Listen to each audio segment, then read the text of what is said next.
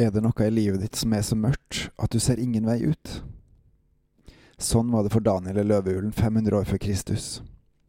Men Gud er der også. Velkommen til Gud i sentrum av meg, Håkon Winnem, hvor temaet i dag er Guds kraft.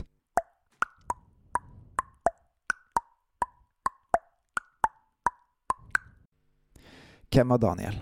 Daniel var en av mange som ble bortført fra Israel til fangenskap i Babylon ca. drøyt 500 år før Kristus, før Jesus.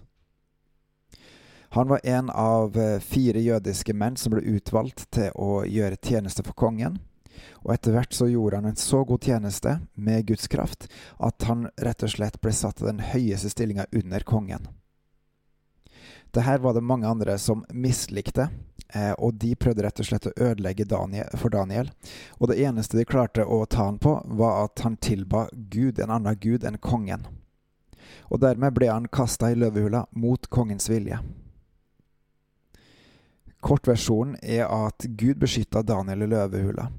Daniel var selvfølgelig livsfare, han skulle egentlig bli revet i filla. Og allikevel så overlevde han fordi Gud stoppa løvene. Og hvorfor gjorde Gud det? Jo, fordi Daniel han stolte på Gud. Han stolte på hans kraft, og han bare valgte å følge Gud framfor alt. Hvor lenge har du tenkt å leve? Det er selvfølgelig umulig å si.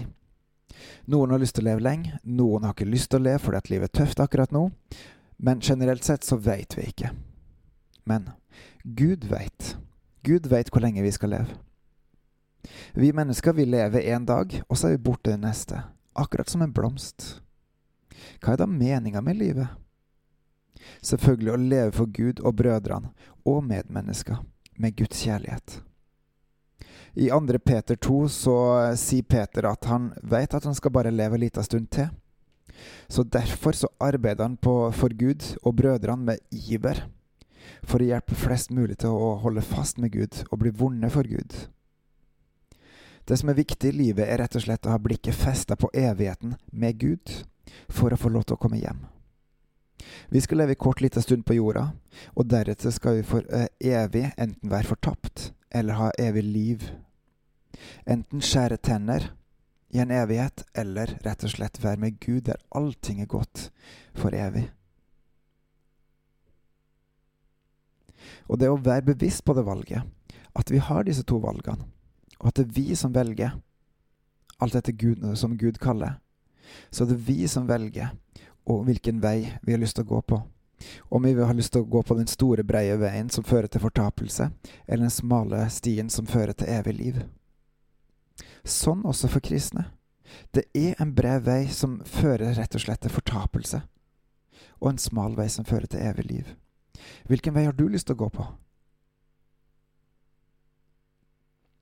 Paulus opplevde valget her også, og stolte på Guds kraft. Han forkynte overalt der han kom, og han stort sett alltid så var det motstand og forfølgelse.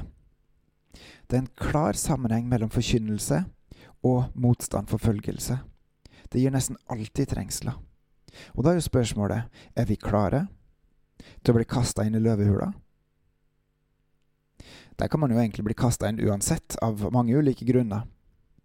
Men hva er bedre enn å ha med seg Gud og Guds kraft inn dit, Han som har skapt alt og alle. Da er ditt liv i hans hender, både det korte jordiske livet og det fantastiske evige livet.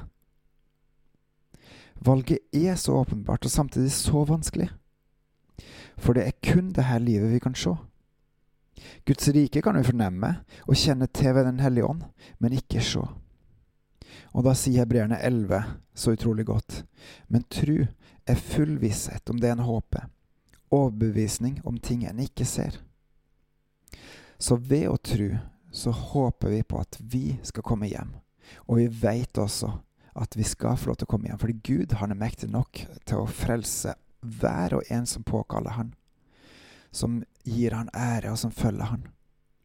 Bare ved å tro på Jesus, og så la seg forandre med Den hellige ånd i seg, til å bli stadig mer lik Han.